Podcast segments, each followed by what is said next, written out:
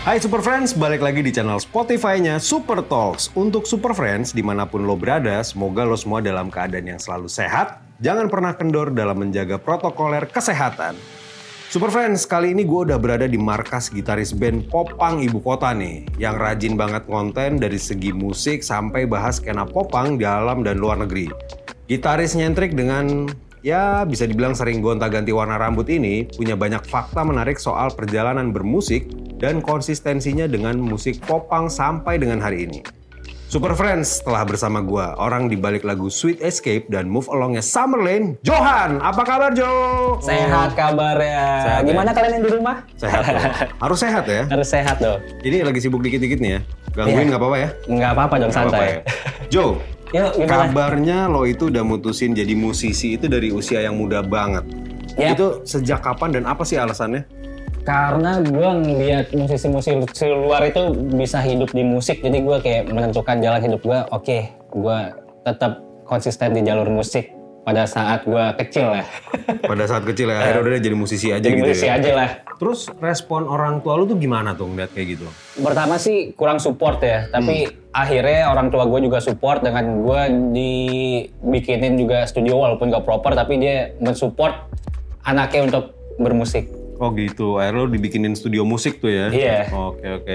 Nah ini penting juga nih, perkenalan lo sama musik itu awal dari mana sih sebenarnya? Awalnya gue tuh eh, abang gue ya, abang gue tuh sering dengerin musik-musik grunge. Bokap gue juga sering dengerin kalau pagi tuh Hmm? pasti playlistnya lagu-lagu klasik rock gitu kayak GNR, Aerosmith, Wet Lion. Oke, terbiasa dengan itu tuh ya. Iya.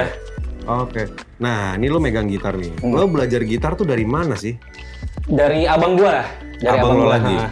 Tapi akhirnya lo di endorse sama merek gitar lokal kenamaan ya. Ini Ya, itu. ceritanya pasti menarik. Itu gimana ceritanya tuh? Ya bersyukurnya si Radix ini nama brandnya support untuk musisi-musisi lokal juga sih. Waktu itu Hmm. gue sempat dikenalin sama ownernya Om Toin dari Buluk Superglad. Dan ini seri gue, gue dibikinin signature Hmm. oke. juga. Ini signature-nya lo nih ya. Hmm. Ini belakangan ini nih, ada kabar yang cukup viral lewat postingan di TikTok. Hah? Jadi ada seorang cewek yang curhat sampai nangis karena baru aja diputusin sama pacarnya. Oh ya? Iya, gara-gara dia harus eh, dia hapus skripsi pacarnya dengan embel-embel iseng, cuman untuk ngeprank. Sontak video tersebut tuh kena rujak sama netizen tuh karena banyak yang nilai bercandaannya tuh keterlaluan, kelewatan dan pantas banget buat diputusin. Hmm. Nah, apa tanggapan lo soal hal ini dan apa prank menurut lo justru Nora dan gak lucu atau justru malah annoying sih? Iya knowing aja sih menurut gue ya itu skripsi kan orang ngerjainnya lama banget ya Iya. bener. di, dihapus. Wah itu sih kayak bisa bisa berantem sih kayak ya wajar aja kalau kalau cewek diputusin. Iya. kelewatan bercandaan Iya, ya, iya, kelewatan. kelewatan bercandaan. sih menurut gue kelewatan ya. Ngepranknya terlalu kelewatan. Kelewatan ya. Saya nggak boleh kayak gitu. Kita pindah ke situ ya. Oke, wah ini cukup nyaman ya dilihat ini. Ini studio dan kamar. Yoi, Studio jadi dan kamar. buat produksi Summerland semua bikin demo Di sini kita semua Iya, di sini ya? juga. Oke. Minum dulu guys. Oke. ini kabarnya umur 17 tahun lo udah nggak pernah di rumah dan Hmm? mencoba mandiri untuk survive di luar. Yap. Kenapa sih kalau boleh tahu? Ya karena gue pengen belajar dari dari jalanan aja sih. Hmm. Pengen belajar bergaul. Iya dari dari pas gue keluar dari rumah juga gue lebih intuit ke musik-musik melodik ya waktu itu sebutnya tuh melodik punk lah ada Blink ada uh, New Found Glory dari Oke. situ gue coba mendalami juga dari sisi musiknya ya Hmm, lebih dari sisi didalamin musik lagi ya. Terus apakah menurut lo Popang will great again? Yap, yap, Pasti itu ya. pasti. Gue pede-pede aja. siapa sih ini em, figur idola yang bikin lo akhirnya makin dalam di Popang tuh siapa? Salah satunya ada Tom DeLonge dari Blink-182. Ah, Blink-182. Karena dari dari di luar musik juga, Tom DeLonge tuh selalu apa ya berhasil juga gitu membuat sesuatu. Kayak dia punya punya footwear ada Ada Macbeth. Macbeth ya. Terus set projectnya juga jalan semua gitu dari Bosca Racer ke Angelan Airwave juga Oke, dan sampai sekarang masih tetap konsisten ya dia. masih ya? konsisten juga.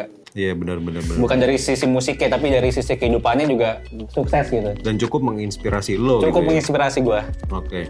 Sebutin dong empat lagu favorit lo dari Blink-182 yang diciptain sama Tom DeLonge. All the Small Thing, All the Small Things. Rock Show, The Rock Show, Dua, Adam Song, tiga, sama Feeling This. Oke, ada empat tuh ya. Ini sebagai musisi punk, Tom DeLonge ini agak nyebrang nih karena terobsesi banget sama hal- hal-hal yang berbau luar angkasa dan e- ekstraterestrial gitu lah. Ya, Eh. itu dia tuh Iya kan? idealisnya tuh. Iya, Di situ tuh ya sisinya. Iya. Nah, apa nama lembaga yang dia buat khusus untuk penelitian dan pengetahuan soal antariksa? Hmm, the stars. The Stars. Hmm. Oke, ini menarik juga nih. Udah berapa banyak sih tato yang ada di badan lo, Jo? Gua nggak ngitung banget berapa, tapi ya lumayan lah, lumayan. Lumayan ya. Itu Itu baru baru nggak baru, nggak ngitungin jumlahnya. baru di kaki itu ya. Di Iya, tangan. di tangan ada, leher. di leher ada. Boleh lo tunjukin nggak sih mana tato pertama lo dan ini juga menarik banget nih. Gimana cara lo jelasin ke orang tua bahwa lo udah punya tato? Oke. Tato pertama gue sebenarnya ini Ada di tangan ya. ada tangan. Gue emang emang emang langsung pengen bikin tato langsung full sleeve gitu. Oke. Pas pulang ke rumah ditanyain sama nyokap gue, itu apaan? Stiker gue. Soalnya j- zaman dulu kan ada ada ada Tato-tatoan stik- gitu ya. Ah, Ada ada kalau kita beli permen kan itu Iya, ya, bisa tempel-tempel. ada ada stikernya kasih air tuh bisa nempel sampai tiga hari gitu kan Iya, iya, iya. terus nyokap gue oh ya udah Oh, masih percaya tuh masih nyokapnya? percaya Terus terus setelah selang bokap? sebulan gitu kok ada lagi kok ada lagi dari situ ya udah lah boam lah tapi di di satu sisi bokap gue sempat sempat ngomong kayak lu harus berani bertanggung jawab tato ini untuk di Indonesia kan stigmanya sedikit berbeda juga Iya, kan betul. Nah, entah itu kriminal atau apalah segala Padahal macam tidak semua orang seperti itu yang bertato ya. Iya iya iya. Tapi bokap gue situ ngomong, lu berurusan sama polisi atau kriminal, gue angkat tangan. Oke, Oke. gue buktiin ke lu. Gitu. Oke oke. Jelasin dong, kenapa stigma buruk masyarakat terhadap eh, orang-orang dengan tato harus dibuang jauh-jauh? Ya kalau untuk era modern sekarang, tato tuh lebih ke seni ya sebenarnya ya. Yep. Lebih ke seni dan jadi satu identitas juga sih. Itu yang Salah satu- bikin iya, beda ya. Karena kita kan juga, gue sebagai musisi kan seniman nih. Iya. Jadi harus harus harus punya identitas juga gitu. lah. Punya karakteristik sen- tersendiri gitu ya. Hmm. Betul. Ada nggak sih bagian tubuh mana gitu yang paling sakit waktu lo bikin tato? Wah ada. Makanya gue gak mau bikin lagi, karena udah ada. Oh, oke. Di dengkul sih. Oh, dengkul. Di dengkul, ah.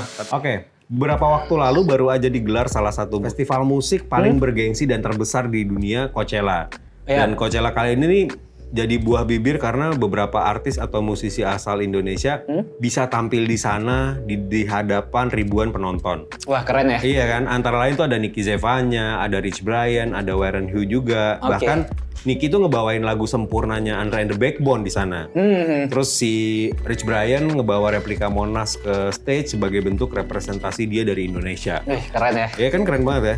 Nah gimana tanggapan lo soal musisi-musisi Indonesia yang bisa tampil di Coachella ini? Ada nggak sih event internasional mana gitu yang jadi impian lo untuk bisa tampil bareng sama Summerlin?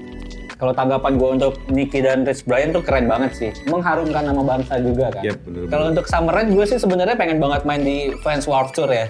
Tapi ya semoga kejadian lah itu. Kita doain, kita doain Amin. Summerlin. Kita doain yang main di Warped eh kita, Tour kita ya. ke bawah yuk. Kita ke bawah ya? Oke, oke. Ya. yuk. Wah, ini Wah. jadi di bawah ada toko nih. Yoi. Seru banget nih kayak gini rame-rame gini ya. kita ngobrol di mana nih? Sini aja, sini sini. Boleh, boleh, boleh. Sini, sini, sini. Nah, dari tadi kan kita banyak banget bahas soal passion lo di Hmm, musik nih. Kalau misalnya di luar bermusik, yang nggak banyak orang tahu, lo itu lumayan expert di bidang apa sih? Gue suka masak sih kalau gue. Masak Suka ya? masak gue. Masak apa aja tuh, Jo? Suka masak bakmi juga, mie ayam gitulah. Terus gue cobain ke teman-teman gue, terus teman-teman gue bilang, lu kenapa nggak nggak buka ini aja? Restoran ya? Restoran gitu. Nah, selain bakmi, lo jago masak apa lagi? Ada nggak? Ayam rica-rica coy. Ayam rica-rica. Ayam rica-rica. Lu doyan pedas gak? Doyan dong. pedas, doyan pedas, tapi nggak doyan ayam. ayam rica-rica. Gue suka banget masakan-masakan pedas sih kalau gue. Oke. Terus gue gua cobain ke teman-teman gue. Lu main dong tempat gue nih cobain. Gue lagi masak ini nih. Terus Hmm. responnya juga bagus sih dari teman-teman gue. Oke. Terus kenapa lo nggak bikin usaha kuliner aja sih? Dulu gue sempat bikin tuh namanya ayam cadas. Ayam cadar. Ayam cabe pedas. Jadi ayam cabai metal. memang pedas ya. Cabai memang pedas. Eh, itu lu- lumayan juga sih ya. Terus ada temen gua juga yang nawarin untuk franchise juga kan. Hmm. Kalau dari franchise itu kan legalitasnya harus jelas kan. Betul. Pas gua ngurus ke Haki ternyata udah ada yang pakai nama ayam, Ayam cadas. cadas. Tapi akhirnya gue coba udah mundur aja deh. Akhirnya gua me- berganti bisnis ke distro. Banting setir ya. Banting jadi- Oh. setir. Ini distro. Oke. Coba Jadi- kita ke sini ya. Ini seru banget. nih. Jadi gimana cerita si distro nih? Ini sebenarnya eh, distro ini Eh, gue awalnya tuh kayak punya tempat dari restoran si ayam cadas itu. Hmm? Gue mikir apa yang bisa bikin gue hidup buat sehari-hari Tetap survive ya. tetap tetap survive. Akhirnya gue ganti konsepnya. Gue apa nawarin konsep itu ke teman-teman teman-teman gue ya Oke. teman-teman gue gue pengen buka distro nih lu kan ada brand coba titip titip aja di sini dengan sistem consignment Oke. Persaingan. Nah, terus apa sih syarat brand untuk bisa titip jual di distro milik lo ini? Hmm, lebih ke ininya sih ya. QC-nya mungkin dari segi desain, Mhm. cutting-nya. Nah, terus ke depannya apakah lo akan balik lagi untuk punya usaha kuliner? Ya kayaknya gue pengen lagi deh. Pengen, pengen, pengen, pengen. Harus dong biar masak-masak lagi. Yoi. Mengem- mengembangkan bisnis ya. Gue pengen sih, gue pengen, gue pengen, pengen bikin ayam goreng lagi, tapi dengan dengan mungkin dengan konsep yang berbeda juga dari kemarin gue bikin ya. Tapi rasa kayaknya udah paten rasanya kayak begitu sih. Rasanya kayak begitu, cuman konsepnya di twist nih ya. Iya, dengan brandingan yang berbeda mungkin ya. Wah, Doain har- aja. Harus ditungguin, pasti didoain dong. Nanti lu cobain juga ya. Ayo cobain, cobain, cobain, cobain. Nah Jo, lo kan udah homeless dan survive di luar Hmm. rumah sejak remaja. Lo orang yang bisa milih-milih dan nggak kebawa ke arah yang buruk. Dan pastinya banyak pelajaran berharga yang lo dapat di waktu eh, saat lo ada di luar sana Hmm. gitu. Nah lo boleh kasih quotes nggak sih motivasi berdasarkan pengalaman lo untuk Super Friends yang lagi nonton dan dengerin Super Talks bareng seorang Johan. Hmm. Soalnya gue ingat banget pesan bokap gue pas tato gue udah banyak, intinya lu jangan kriminal gitu. Berarti kan intinya attitude lu tuh harus dijaga banget. Dan lu juga harus konsisten juga gitu. Kalau kayak gue kan gue suka banget musik, ya musik aja udah terus lanjut aja. Sama attitude tuh harus bang, penting banget harus dijaga.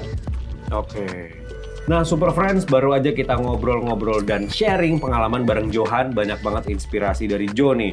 Mulai dari cerita dia zaman remajanya tinggal di luar gitu, keluar dari rumah sampai merintis bisnisnya dan juga dalam karir bermusiknya dia.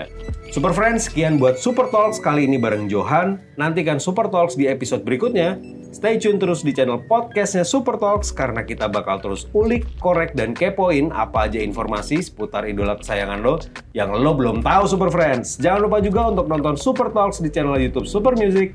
Terus lo tulis deh di kolom komentar siapa bintang tamu selanjutnya yang lo mau untuk kita datengin. Bye Super Friends! Bye super friend.